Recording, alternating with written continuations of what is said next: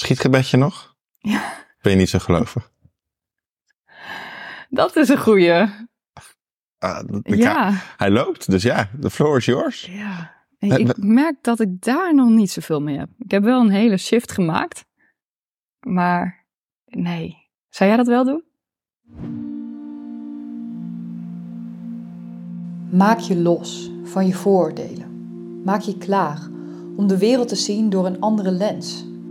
Kijk met blauwe ogen, waarbij je wordt uitgedaagd om breder te kijken en dieper te graven. Ik ben Bianca van Elp en dit is jouw uitnodiging om verder te kijken. Heel erg katholiek opgevoed, zeg maar. Schietgebedje, dat klinkt leuk. Ja, maar schieten en gebedje is al een beetje, woordtechnisch een beetje raar. Ja. Maar gewoon, ja, even, ja.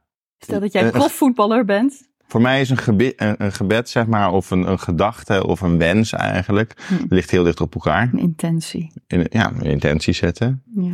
En een schietgebedje, dat klinkt echt wel als van, het gaat niet goed, die controle is weg. ja. En ehm, ik probeer nog iets, ja, ik ga toch maar om hulp vragen eigenlijk. Ja, ik denk dan toch echt aan de profvoetballer die het veld opstapt en dan, ja, het voelt toch voor mij soms meer autistisch of zo. Het is een beetje dit, zeg maar zo. Ja, ja. Ja, maar weet je, iedereen, dat vind ik het belangrijkste, dat iedereen doet waar diegene zichzelf goed bij voelt. Dat vind ik belangrijk. Wat, wat, doe jij zo vlak voor een podcast Oh, nou, opname? ik denk dat dat eh, misschien al hetgeen is geweest waar ik de intentie niet goed heb gezet. Want ik had vanochtend al een gek gevoel bij. Ja, voor mij ook wel even weer nieuw alles weer opzetten. En een paar maanden eruit geweest. Een paar maanden geen nieuwe aflevering opgenomen. Ja, en dan vanochtend alles weer neerzetten in je woonkamer. En we zitten lekker in de woonkamer. Goede bank? Ja hoor. En ik merk dat ik dan, ja, dan wil ik alles goed doen. En eigenlijk wil ik het liefst dat het al klaar stond. En dat was niet zo. En wel gedeeltelijk. Maar toen ging ik alles testen. En dan was de beeldkwaliteit niet zoals ik wilde. En dan raak ik heel erg geïrriteerd. Nou, soms komt er nog wel eens een software update doorheen. Hè. Dat heb ik nog niet eens gecheckt, maar dat, dat kan. Ja. En dan zitten de knopjes op een andere plek. Oh, ja. ja, het werkt dan niet. En dan denk ik, ik kon altijd daarop klikken en dan kon ik weer 4K opnemen en het wil niet. Maar goed, we hebben het voor lief genomen, dus misschien is dit nu een iets mindere beeldkwaliteit. Maar ja, het is een podcast, dat het geluid maar goed is. Zeker, nou ja, en uiteindelijk, hè, eh, fijn dat er mensen zijn die luisteren, eh, die, die kijken, die eh, geïnteresseerd zijn. Ja. En wat is er dan eigenlijk in seizoen 1 eh, op een gegeven moment geweest dat we over seizoen 1 praten? Ja. En dat we nu na de zomer Ja. in seizoen 2 zitten? Wat, is dat? Dat is een hele goede vraag. En hoezo? Eh, ja, nee, dat is terecht de vraag. Het kwam opeens omdat iemand tegen mij zei: hey Bianca, jij neemt elke week of om de week een nieuwe aflevering op. En ga je dat ook de hele zomer blijven doen en werk je dan ook in seizoenen? Best wel goede vragen. Maar ik was op dat moment een nieuwe aflevering aan het opnemen. Ik was helemaal niet mee bezig. En ik dacht opeens: maar wie heeft dat bedacht dat om de week een nieuwe aflevering willen publiceren? En ik ging het idee was de hele zomer nieuwe interviews afnemen. En, en opeens dacht ik, nee, dat ga ik niet doen. En ook zonde, want ik had op dat moment twaalf afleveringen. En dan heb je zoveel beeldmateriaal. Sommige afleveringen wel drie kwartier lang. En ik heb nu juist van al die afleveringen kleine fragmenten gemaakt, snippets. En die ben ik nu aan het delen.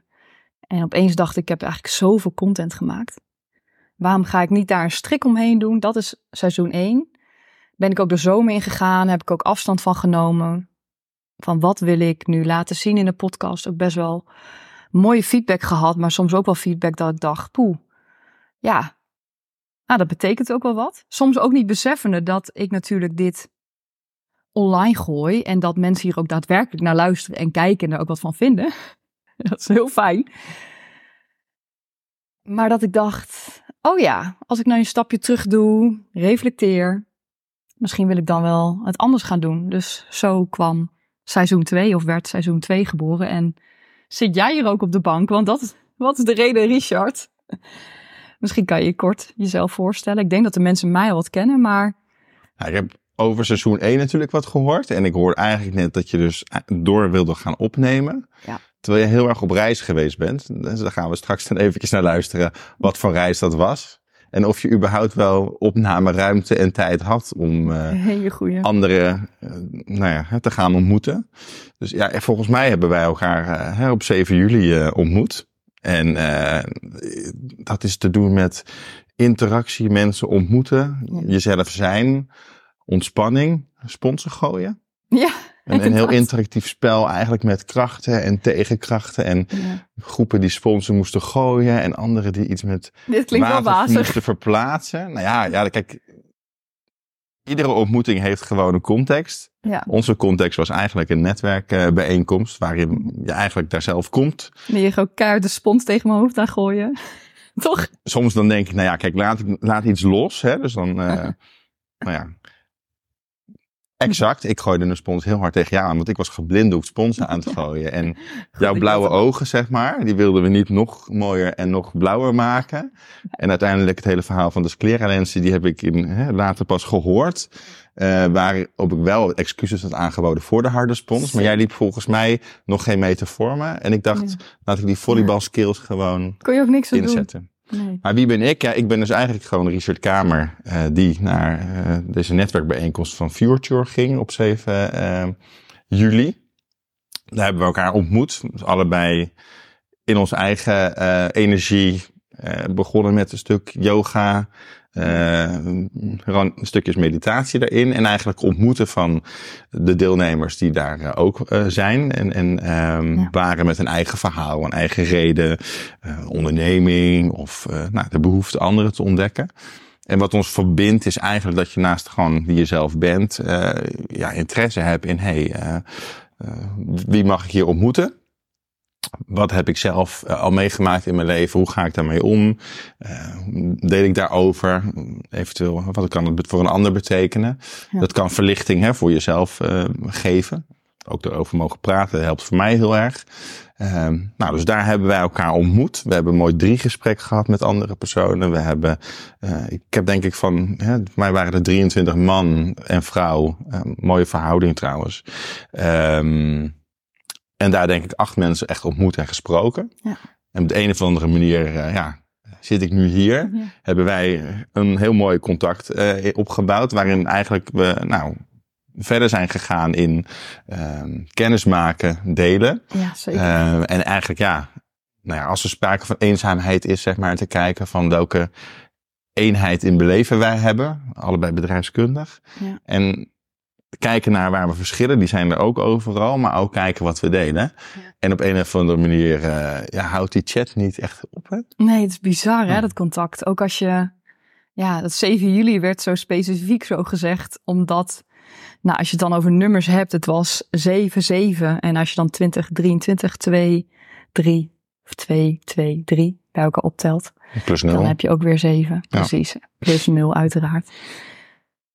Dus dat is sowieso een bijzondere datum. En ja, zo'n ontmoeting en dan hier zo'n gedeelde interesse, hè, Formule 1. En dat we uiteindelijk Formule 1 soort van hebben gekeken, maar ook op dat moment zoveel hebben gedeeld waarvan ik nog steeds denk van wow, we kennen elkaar nog maar een paar maanden, maar oh ja, hoe goed leer je elkaar al kennen en heel bijzonder hoe dat ontstaat. En hè, jij stipte net ook een reis aan, hè, deze zomer een reis gemaakt. En ik denk dat vaak is dat iets wat je alleen doet en wat ook goed is. Maar ik kan me voorstellen dat het ook lastig is als je het helemaal met niemand kan delen. En ik vind het heel fijn dat ik dat stukje, wat ook best wel een ontdekkingstocht is, heel nieuw is. Klinkt nu nog wat vaag, denk ik. Maar gelukkig kan ik het delen. En dat maakt ook, net stipt je thema eenzaamheid ook aan. Ja, dat voelt wel fijn, omdat je dan denkt: hey, ik ben niet de enige die ermee bezig is. Ik zit in een bepaald proces. Voor mij voelt het ook als een transformatie. En gelukkig kan ik erover delen, durf ik erover te delen, mag ik erover delen. En doen we het dan toch een klein beetje samen. En dankjewel hè, dus dat Ja. ik hier ben en, en het Zo gesprek met jou, nou ja, het gesprek met jou aan mag gaan. Ja. En dat je hè, nou ja, de durf hebt om te delen wat voor soort reis eh, hè, je, je bent aangegaan in de zomer. Ja. Eh, waar, waar naartoe? Eh, Ja. Wellicht kan je ons meenemen en wat vertellen over de, de plekken, dingen misschien die je gevoeld hebt, die je gezien hebt. Misschien ben je op bergtoppen geweest, aan kusten of juist in keukens. Geen idee, je kan natuurlijk overal naartoe reizen. Ja. Heb je nog een zonnetje meegenomen?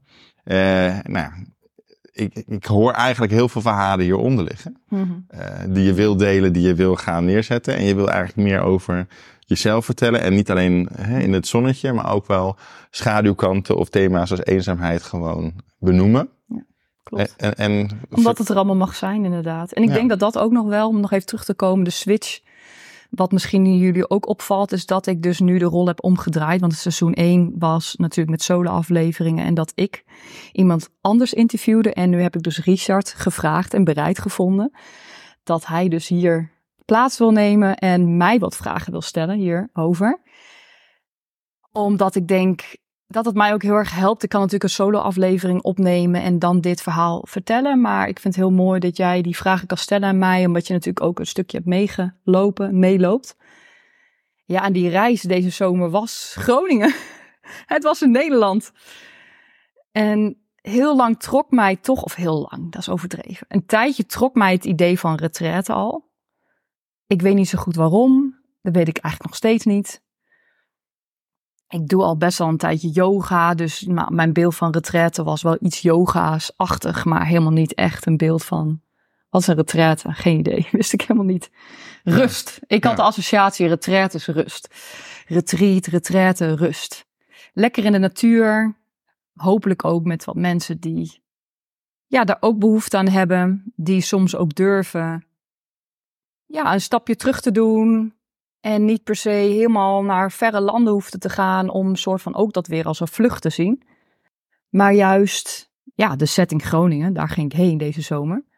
Er gaat niks boven Groningen, dus ja. ja dus eigenlijk het, het, uiterste noorden en dan van dit land. Uh, ja. Echt, daar ging ik heen. Met wel wat spanning, omdat ik voordat ik daarheen ging, wel had gelezen over dat ik ook te maken zou krijgen ik weet niet hoe ik dit moet verwoorden. Dat ik zeg maar ook een ervaring zou krijgen met een plantmedicijn. Nou, misschien is dat voor deze aflevering wat te groot om daar helemaal de diepte in te gaan. Er is dus een programma op het retraite. Ja, dat was een programma. De reis is fysiek dus naar Groningen gegaan. Precies. En uiteindelijk in de rust en in de definitie die je net zelf gaf, gaf het is rust. Stilte retraite heb je soms wel. Dus dan gaat het eigenlijk om samen zijn, niks zeggen en delen, maar ook non-verbaal de communicatie even bij jezelf houden. Ja. En, en um, heb je dan ook zeg maar op die reis nog jezelf ontmoet? Ja. En daar, daar kunnen natuurlijk hè, plantmedicijnen of yoga sessies bij helpen. Ja. Maar had jij iets met een spiegel toen je aankwam of zo?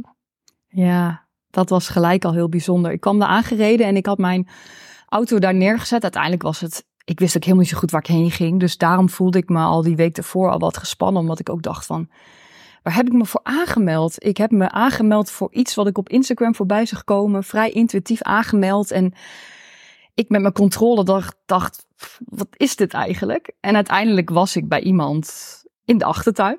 Laat ik het zo zeggen. En dus ik reed daar dat terrein op. Toen dacht ik, oké, oh, het is een boerderij en ik ben bij iemand op bezoek, oké.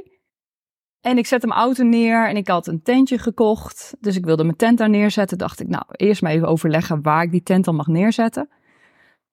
Waarop die eigenaar zei, en de, ook de, de eigenaar van deze retraite zei van, joh, maar kijk maar eens waar je auto neer hebt gezet. Volgens mij heb je je plek al gekozen. Dus ik dacht, wauw, ja, dit voelt eigenlijk best als een goede plek. Maar ja, ik keek dus ook inderdaad recht in de spiegel. Want het was ooit een paardenbak geweest. En dat was echt een hele grote spiegel. Dus daar zag ik ook mezelf. Maar ja, die spiegel heeft natuurlijk sinds een half jaar of drie kwart jaar veel meer betekenis gekregen in mijn leven. Het was een soort bij X halt houden en groeten. En dan zag je jezelf, je auto, de tent. Ja, ja. dat was mijn plek. En, en uiteindelijk in jezelf ontmoeten, uh, gaat het dan ook over bespiegelingen bij jou? Ja, zeker. Ja. ja, om dan het bruggetje te maken met wat ik... Nou, een jaar geleden ben ik begonnen met ondernemen. En ik merk zelf het ondernemerschap dat dat ook heel veel raakt aan persoonlijke ontwikkeling. Ik heb altijd al heel belangrijk gevonden.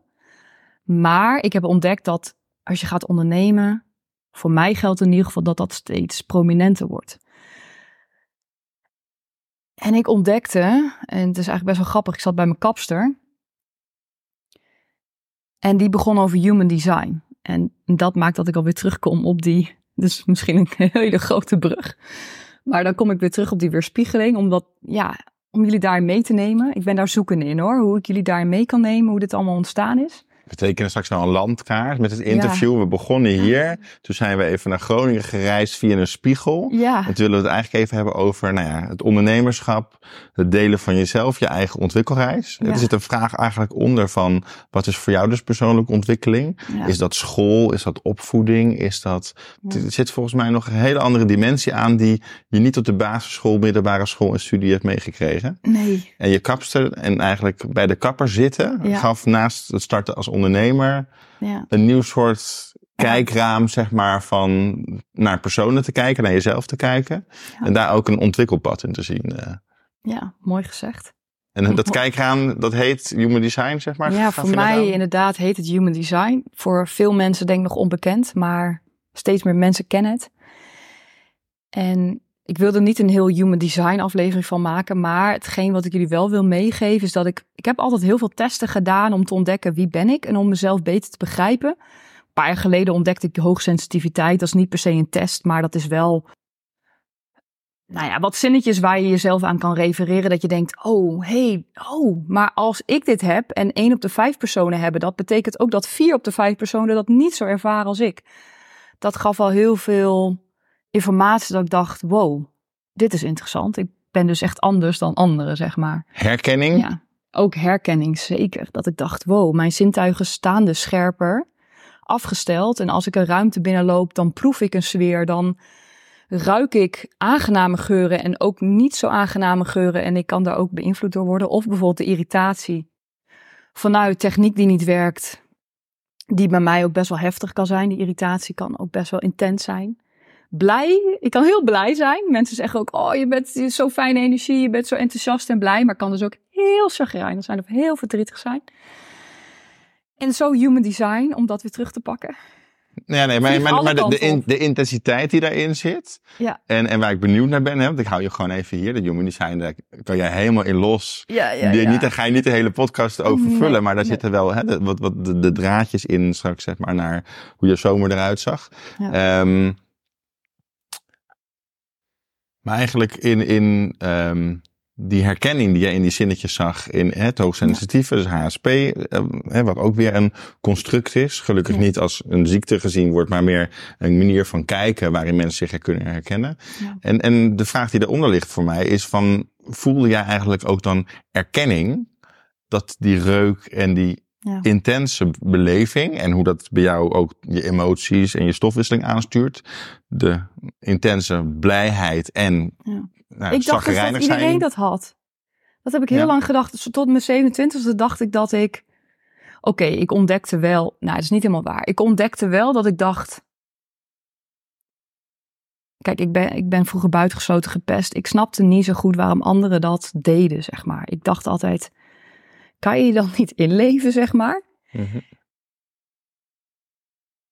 En ja, door dat stuk hoogsensitiviteit dacht ik van wow, het is dus voor een ander inderdaad niet mogelijk, want diegene is niet op die manier, Mhm. steekt diegene niet in elkaar. Zit daar een, een verschil in EQ, zeg maar, hè? dus eigenlijk in, Ja. het, in het emotioneel coëfficiënt. Hè? Naast IQ, dat kennen we allemaal, CITO hebben we allemaal geknuffeld. Ja.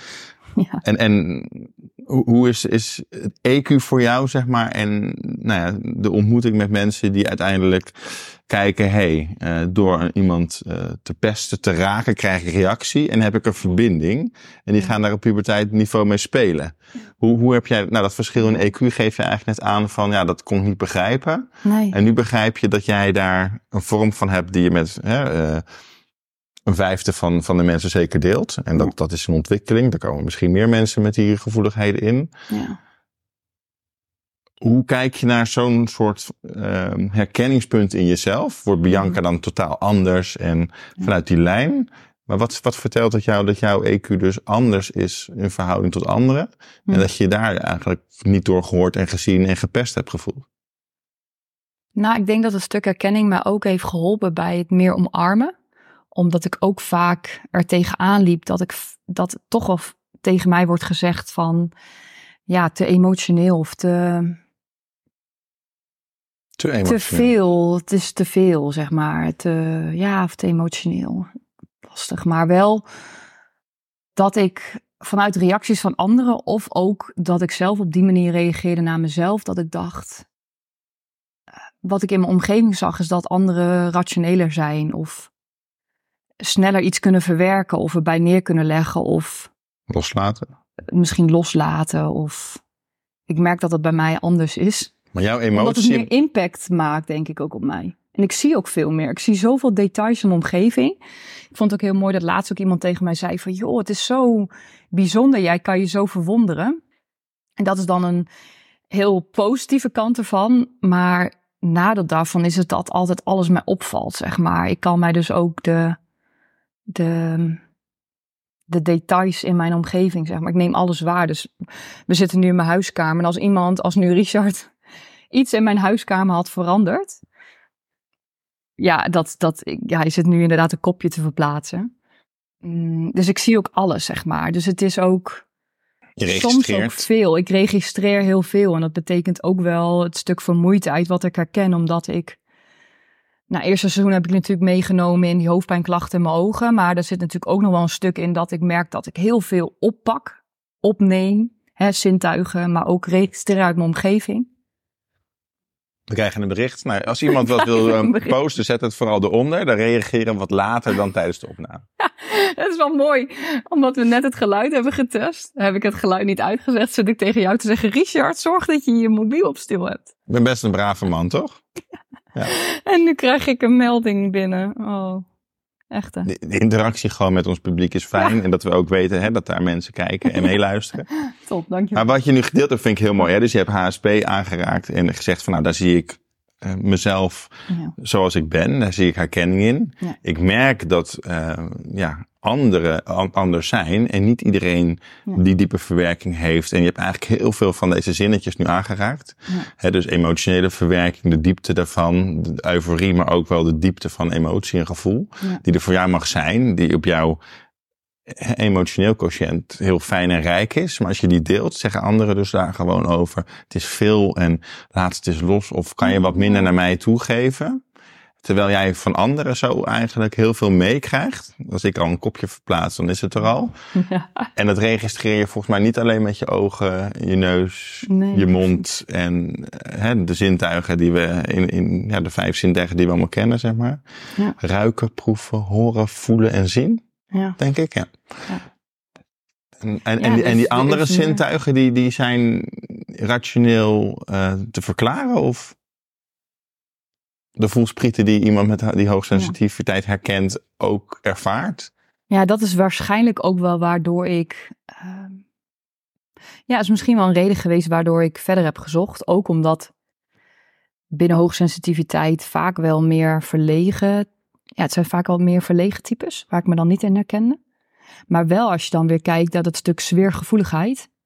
Wat vaak hoogsensitieve mensen herkennen. Wat natuurlijk sfeergevoelig, wat, met welke, welk zintuig pik je dat op? En dat is voor mij als ik een ruimte al binnenstap. Dat kan bijvoorbeeld ook een ruimte zijn, bijvoorbeeld bij, bij nou ja, ooit waar ik heb gewerkt, een vergaderruimte. Dat ken je vast wel, zo'n vergaderruimte.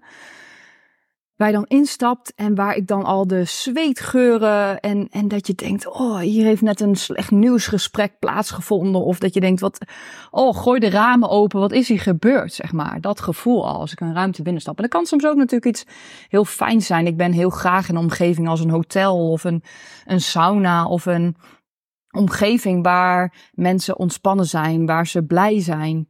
Als ik een ruimte binnenstap, dan voel ik dat, zeg maar. En dat- Ontmoeten, met elkaar in contact zijn wellicht Ja. ook. Hè? Dus Ja. wat je zegt, verlegenheid. Ja, ik herken hoogsensitiviteit ook. Als jongetje was ik heel verlegen, maar inmiddels niet zo. Nee, nee. Dat zijn natuurlijk van die eh, aspecten die voor mensen kunnen gelden. Eh, in hoogsensitiviteit zitten zoveel di- eh, dimensies. Ja. Maar in eigenlijk die open ruimtes waar mensen bij elkaar komen, fijn in contact zijn, positief, maar ook misschien wel verdriet en een traan mogen delen, zeg maar. Dan is uiteindelijk de positiviteit eventjes wat meer hetgene wat gedeeld wordt. Ja. Ehm, maar dat, die openheid is voor jou veel fijner, zo'n zo'n ruimte, Mhm. dan ergens ehm, in een grote eh, ja, Oh, vergader of in een grote kantoortuin? nee. Tussen 100 personeel mensen waar jij één medewerker bent? Ja, dat heb ik ook ontdekt inderdaad. Wat denk ik ook nog wel een interessante is dat ik ontdekte. Voor mij is coronatijd in die zin een cadeautje geweest, omdat ik ook destijds in kantoortuinen werkte, hè, die omgeving waar je nu aan refereert. Ja, en ik ontdekte ook dat ik in een kantoortuin ook veel meer oppik en dat ik, ik heb dan nodig dat ik dan met muziek in, in mijn oortjes, dat ik met oortjes met muziek in zit en dat ik dan op die manier me kan focussen op een rapport schrijven of een workshop voorbereiden of wat het ook op dat moment was. En het is natuurlijk gek, want je zit onder de collega's en je moet jezelf op dat moment toch afzonderen om dan terug te komen in je eigen energie, blijkt dan nu. En ik ontdekte ook, als ik om me heen keek, dat ik dat veel meer nodig had dan andere collega's. En ik merkte ook heel erg een verschil met de collega, mijn leidinggevende, senior adviseur. Dat hij dat ook lastig vond. Hij had het gevoel dat hij mij moest storen. En ik had het nodig om mezelf af te zonderen. En in coronatijd ontdekte ik, en dat heeft me ook wel geholpen om die stap naar het ondernemerschap te nemen. Omdat ik dacht, oh, ondernemen is heel alleen. En in coronatijd heb ik juist heel veel thuis gewerkt. En ik vond het een cadeautje. En nu doe ik dat nu ook met mijn, onderne- mijn eigen onderneming. Mijn eigen bedrijven ook. Ik zit heel veel vanuit huis te werken. Ik heb het geluk dat ik twee, twee verdiepingen heb. Dus ik heb gelukkig op een andere plek dan mijn woonkamer mijn laptop staan, een kantoortje gemaakt. Dat, dat helpt wel om soms ook uit te mogen schakelen. Maar Reis maken eigenlijk, woon-werkverkeer is zo'n trap. Ja, dat is een goede inderdaad. Komen we toch weer een beetje terug naar reizen. Dat hele human design stuk is nog soort van geparkeerd. Moeten we volgens mij nog weer terugpakken. Nee, ik, ik heb de landkaart in zicht en ik Oh, wil die ja. eigenlijk een, een. T-splitsing aanreiken. Je mag gewoon human design door en daarover eh, spreken. Je innerlijke reizen. Eh, hè, je hebt HSP, daar kun je ook blijven. Het is een leuke T-splitsing, maar Ja. als het leuk is, kunnen we daarin door. Ja, En, en ja, die zetten nog wel wat, eh, wat, wat splitsingen op, zeg maar. En, en uiteindelijk gaan we wat vandaag op de tak, maar dat Ja. hoort erbij. In Ja. ons denken, in ieder geval waar ik in mezelf en jou, eh, waar ik het herken, eh, zit op het hooggevoelige, zit op het snelle denken, zit op het snelle kunnen spreken. ja. Dat is voor mensen die luisteren niet altijd even makkelijk. Ehm, maar ook in associaties in een mooi onderwerp of in een stuk wat je wil delen of wat je, wat je anderen wil aanreiken, ja, kan het ineens een andere kant op gaan. En dat is helemaal niet erg. Ehm, als je op een gegeven moment wel weer vertelt, nou, we zitten nu op bijvoorbeeld de A2, we zijn naar het zuiden aan het rijden. We waren net nog in Groningen. Zijn jullie er nog? Ja. En, en zo kan je mensen meenemen, kan je mensen verliezen. Ja. Mensen die net zo schakelen, die zitten gewoon op de achterbank die denken, ja, we zitten hier toch prima. ja. En er zijn een aantal mensen die zeg maar ja, in de caravan zitten, die zijn afgehaakt bij Utrecht. En dat we die caravan verloren waren, dat hebben wij dan even niet door. Mooie metafoor. Maar op die kruising staan we, dus blijven we nog bij HSP? Blijven we bij Bianca's innerlijke reis? Ehm, Nou, gaan we terug naar Groningen? Of gaan we nu naar, wat, wat is human design en hoe, hoe, Ja. hoe bij een kapper wordt je haar geknipt? Ja. Wordt het gemodelleerd? ja, en dan en- en- human design. Ja, Uiteindelijk dan komt human design als onderwerp. eh, Ja. waar, waar- nou neem ons maar mee. Gaan, gaan we die afslag nemen? Ja. ja, ik wil dat stukje qua human design om, om... Kijk, hoogsensitiviteit dacht ik wel van... Ik voel toch nog steeds wel dat ik anders ben. En tuurlijk, we zijn allemaal uniek. Maar er is een puzzelstukje, ook met allerlei persoonlijkheidstesten die ik heb gedaan... of met psychologen heb gepraat... of met zoveel mensen om me heen gepraat... dat ik dacht, ik kan mijn vinger er niet op leggen. Er is iets... Ik kan het niet en ik heb toch nodig om het wel te verklaren. Dat is toch dat stukje wat ik ook in me heb. Ik wil het begrijpen. Ja, mijn hoofd klopt, mijn hoofd en mijn hart. En wat je begrijpt en wat je wil begrijpen, is dat in lijn met wat je voelt? Of is dat een soort dialoog? Hoe, eh, voordat je echt human design aansnijdt, wat is, wat is dan hetgeen dat het begrijpen? Ja. Hetgene wat je hoort, voelt en ziet en wat je extra van je omgeving opzuigt eigenlijk. Waarom moet dat begrepen worden dan, als je het ook al kan voelen? Ja, omdat het dan heel gek is, maar ik ben dus hoogsensitief. Of ik herken me daar heel erg in. Ik ben het misschien niet, hè, maar... Mooi, mooi. Kijk, een woordkeus. Heel goed. Ik, ik, ik herken me er heel erg in. Alleen het gekke is, dat weet ik ook sinds kort, is dat juist mensen die heel veel voelen. En in mijn geval heb ik natuurlijk ook 15 jaar hoofdpijnklachten. Die zijn wat moeten negeren. Of mocht ik dat niet voelen. Of kon ik dat beter niet voelen omdat ik denk ik anders niet kon functioneren. Merk ik ook dat het voor mij weer heel lastig is om dicht bij mijn gevoel te blijven. Juist omdat ik zoveel voel. En rustig over het gevoel te spreken. Ja. Want uiteindelijk gaat het al in versnelling, zeg maar. Als je eigenlijk naar die hoofdpijnklachten en die pijnlijke periode gaat, Ja. dan praat je er even heel snel in tempo langs. En je voelt Mhm. hem. Je hebt erover gedeeld het seizoen Ja, 1. klopt. Maar dat is, het blijft toch iets wat dan activeert. Ik kan het ook wel een beetje zien, zeg maar. En daar hoeven we niet heen en te blijven. Maar Ja. in dat stuk emotie wat er is, in dat stuk kunnen voelen, het gevoel even klein maken. Dat kan functioneel zijn, maar het wegstoppen, het niet Nee. zien of het wegzetten. Mm. Nou, dat is iets wat volgens mij niet heel eigen voor jou is. Je hebt het gedaan en dat heeft je geholpen met je hoofdpijn. Dat heeft je geholpen vooruit te gaan. Dat heeft je een goede mindset gegeven. En weer persoonlijke groei gehad. En dat kijkraam Human Design gaf Ja. uiteindelijk een hele andere groei of een Ja, andere reis. Omdat in dat kapsel erover begon. En ik vond het wel bijzonder dat ze over begon. En ik had wel zoiets van, ah, ik wil gelijk opzoeken. Want zij vertelde, je hebt alleen maar je geboortedatum nodig. Je bo- geboortetijdstip. En waar je geboren bent. Dus geboorte, datum, tijdstip en waar. En omdat ik mij had ingeschreven op mijn verjaardag. En ik ook toen aan mijn moeder had gevraagd van, joh, hoe laat ben ik geboren? Want ik ben op 5 augustus geboren en ik wilde me ook die datum inschrijven. Maar ik wilde wel kunnen zeggen, op mijn dertigste ben ik begonnen. Toen heb ik destijds al mijn... Ben toen- ik al 30 dan? Ja, Ja, heb ik mooi. mijn moeder gevraagd van, ben ik eh, in de ochtend geboren of 's avonds? Nou, in de avond geboren. Dat maakte dat ik dacht, als ik me overdag inschrijf, dan word ik wel in de avond word ik 31. Maar dan ben ik wel mijn dertigste begonnen. Dus ik wist, toen ik drie kwart jaar geleden bij mijn kapster zat, wel gelijk, oké, ik ben zo laat geboren. Dus ik had dat ingevuld. En ik had ook gelezen, ik ben een reflector. Want je hebt binnen Human Design, het is echt heel groot, maar er zijn vijf energietypes, vijf profielen, vijf. Ja, nou ja, wat de grotere concepten, zeg maar, binnen eh, Human Design, waar je dan een type in bent. En ik ben reflector. Dacht ik, oké, ja, geen idee wat het is. Echt nog nooit van gehoord ook. Geen idee. Dus ik ging dat opzoeken. Wat is dan een reflector? En als je dan vijf typen hebt, dan zou je denken, oké, er komt dan ongeveer allemaal 20% voor. Dat is niet zo. Er zijn twee types die wat minder vaak voorkomen. En een reflector, die komt maar 1% voor. En ik ben dus een reflector of ik ben een human design een reflector. Een uniek type. En toen dacht ik, 1%? 1%? Wow. Maar ik had dus dat, die blik van hoogsensitiviteit, dat zijn dan 20% mensen. Als ik dan reflector ben, dan betekent dus dat 99% mensen echt dingen anders ervaren. En hoe voelt dat? Ja, dat verklaarde voor mij heel veel. Omdat ik zeg maar. Nou ja, kleuterschool, of wat was het, peuterspeelzaal, ehm, basisschool, middelbare school, een hele schoolperiode.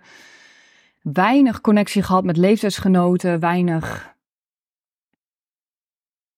Zelfs met docenten. Docenten vonden mij dan ook irritant met mijn vragen, zeg maar, met mijn wijze vragen. Ik ben altijd wijsneus genoemd. Ik ben altijd Nieuwsgierig.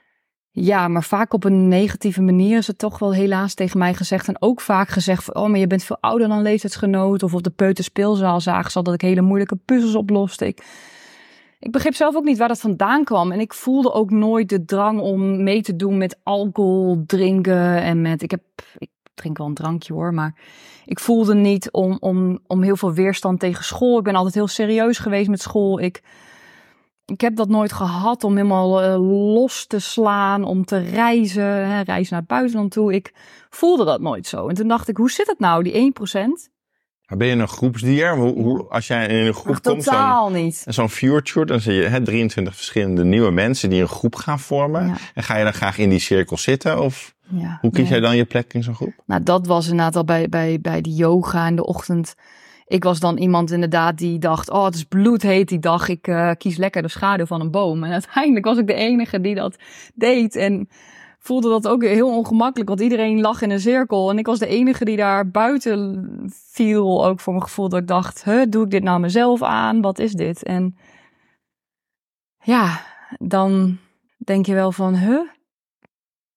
Ik heb ook wat afstand. We hadden het net e- ook over van wat heb je dan qua afstand nodig. En ik heb ook voor mijn gevoel dit nodig, zeg maar. Van, eh, ja, omdat ik Ja. Gewoon gezellig, gaan we wat dichterbij zitten. Kijken, hè, misschien wat meer naar de camera toe en kijken hoe fijn Bianca dat vindt. En dan hè, dan je persoonlijke ruimte en is fijn om die te hebben. In een Ja. groep voel je dan, nou, ik ga onder een boom in de schaduw zitten. Ja. Dat is, de groep vraagt eigenlijk, of degene die leidt, die zegt van kom erbij. Kom met je hoofd naar mij toe liggen en laten we een mooie cirkel maken. Laten we elkaar allemaal vasthouden en dan weer ja, toen heb ik loslaten meegedaan hoor. je eigen ruimte vinden. Maar in het reflectorschap of in het human design, in dat 1% stuk, wat staat daarin of aan herkenning over groepen of over je Ja. eigen ruimte en je eigen energie? Ja. Is dat voor een reflector anders dan voor Ja. een generator of, of een ander energietype? Ja. Ja, het is. Kijk, binnen Human Design gaat het dus ook heel erg over energieën en of je dat dan uit jezelf kan halen of vanuit een ander. En oeh, ik vind het lastig hoe ik dit ga verwoorden, merk ik. Mm, Maar het, het feit dat jij dus denkt, nou, het is hartstikke zonnig, ik zoek wat schaduw, ik ga niet in die groep, dat mag allemaal, toch? Dat is gewoon hoe jij dat doet. Dan vraagt de groep dat je erbij te komen, nou, dat doe je, maar dat voelt niet eigenlijk gewoon het eerste wat je wil doen. nee. En, en Als ik dan uit wordt genodigd, is het oké. En want dat is ook bijzonder, want ik heb dus ook nu ontdekt dat het ook voor mij werkt, beste werkt, om dus niet te initiëren, maar om te wachten op de uitnodiging. En ik vond het altijd wel heel gek dat ik zeg maar met projecten, om dan terug te gaan naar mijn schooltijd, dat ik vaak ook niet de voorzitter was. Want eigenlijk dacht ik wel, het past best wel bij mij, zo'n rol als voorzitter. Maar ik deed het vaak niet. En nou dacht ik wel, als ik word uitgenodigd, dan is het vaak oké. Maar als ik zelf initieer, niet. En dat komt waarschijnlijk ook omdat ik dus niet, ik heb niet het energie zoals andere mensen, zeg maar. De mensen die keihard kunnen werken, die elke dag in de auto kunnen stappen, die in die kantoortuin kunnen gaan zitten, die, die 40 uur in de week kunnen werken. Ja, dat, dat, dat heb ik niet, dat kan ik niet. Dat, nee. En, en Human Design geeft je eigenlijk wel wat antwoorden die Ja. logisch zijn naar het verleden, Ja. die je herkent en waar je erkenning door voelt. Wat je al zei, ben ik het wel of niet? Dus er blijft een kijkraam die hè, een deel van Bianca, zeg maar, eh, kan definiëren. Ja. Het is hetzelfde beetje wat je bij diagnoses ziet. Hè, eh, psycholoog, psychiaters haalde je aan. Klopt. Die heb ik ook heel veel gezien. Ehm, dus hoe gebruik je Human Design om naar binnen te kijken, het reflectorschap te omarmen? Want ik hoor van jou eigenlijk dat er heel veel dingen in zitten die je herkenning geven, waarvan Ja. je denkt, daar zit verklaring in. Ja, heel veel. Maar ga je nou je hele leven daarna leiden en Hm. ben je het en word je daardoor, transformeer je naar een andere Bianca omdat je dat leest? Ja, Hoe, hoe werkt dat proces? Want dat is eigenlijk een beetje wat er op zo'n innerlijke reis ja. hè, nou, human design, Groningen is allemaal zijn dingen die deze zomer zijn geweest. Ja. Eh, het een eh, versterkt het ander. En op een of andere manier ben jij op reis eh, door dat kijkraam blijven kijken naar jezelf en naar anderen. Ja. En, en kan je vertellen, hè, zonder dat we human design helemaal induiken, wat dat voor je gebracht heeft? Wat, wa- hoe, hoe Ja. zo praat je dan nu over transformeren? Ja, omdat ik. Kijk, mijn podcast gaat ook heel erg over hoe, hoe, hoe kijk jij of hoe kijk ik naar de wereld. En in het eerste seizoen heb ik daar zeker ook al wat over gedeeld met met name de solo-afleveringen. Hoe ik ben gaan kijken naar de wereld is ook omdat ik natuurlijk die hoofdpijnklachten en 15 jaar zoeken. En mocht je denken, waar gaat het over? Kijk, een aflevering daarover. Omdat ik op dat moment heel erg heb gekeken vanuit dat perspectief van hé, hey, dat heb ik meegemaakt, zo heeft me dat gevormd. Maar wat nu de afgelopen maanden heeft gemaakt dat ik ook nog weer anders naar de wereld ben gaan kijken, is omdat ik, ja, ik ben niet gelovig opgevoed. Ik heb wel eens wat dingetjes ervaren waarvan ik wel soms dacht, oké, dit is misschien wel wat meer dan alleen wat ik nu zie. Maar ik heb nooit de behoefte gehad om daar verder in te duiken. Daar wellicht ook nooit de ruimte voor gevoeld omdat ik met andere dingen bezig was. Maar nu voelde ik wel weer het stuk, omdat ik juist, nou ja, qua gezondheid, ik heb het gevoel dat ik meer mijn schaap op het droge heb, dat dat stuk zingeving belangrijker is geworden. En door de afgelopen maanden en wat ik zelf heb ervaren, is, is mijn shift ook wel geweest naar dat stuk niet gelovig opgevoed zijn, vaak naar openbare basisscholen zijn geweest. Ik heb nooit gehad van hé, hey, er is een hemel en hel. Dat voelde voor mij ook heel negatief. Dat klopte ook niet voor mij. Ik kon daar niet wat mee. Ken je het Onze Vader? Wat is dit? Nee. Een gebed, maar ik ben katholiek opgevoed, oh dus ik ken het, het katholieke variant van onze vader. Ik ging naar een protestantse school en daar zeiden ze uiteindelijk diezelfde zinnen in een andere tekst, in een andere context. Uw rijk komen, uw koninkrijk komen, dat moest in één keer anders gezegd worden. En dus nou ja, uiteindelijk in, in mijn hè, uh, christelijke opvoeding die, daarbij, uh, die ik daarbij gehad heb, merkte ik ook, hé, hey, dat is grappig. Je hebt dus christelijke stromingen.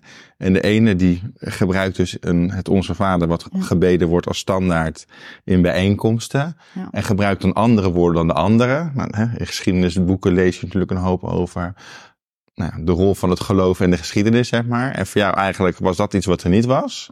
En in jouw transformatie geef je nu eigenlijk aan van ja, nu ben ik in die innerlijke reis bezig. En ben ik toch anders naar dat niet geloven aan het kijken?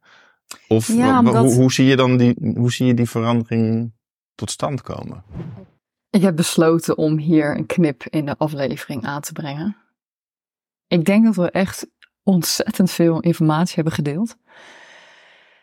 Waar waarschijnlijk ook wel duidelijk wordt dat het voor mezelf ook nog wel een zoektocht is. Ja, vooral ook kiezen van de juiste termen. Erover lezen en dan vervolgens ook jullie het vertellen. Is best wel kwetsbaar. En ik wil je graag vragen, of uitdagen om vooral ook te kijken, blijf kritisch kijken naar wat je eigen waarheid is. Want ik zeg ook maar wat en ik ben het ook allemaal nog maar aan het ontdekken. En ik geloof ook heel erg in. En dat het helpt om het zelf te beleven. Ik heb natuurlijk wat verteld over een ademreis reis met de plantmedicijn. Zelf ervaren, daar geloof ik heel erg in. Nou, de volgende aflevering gaat ook verder op die switch qua blik. Superleuk als je kijkt. En ik begrijp ook als je nu denkt: ik ga het allemaal even laten bezinken. Dat was weer een inspirerende duik in de wereld met blauwe ogen. Vergeet niet een open blik kan deuren openen waarvan je niet wist dat ze bestonden. Blijf ons volgen en deel jouw eigen ontdekkingen en perspectieven met ons.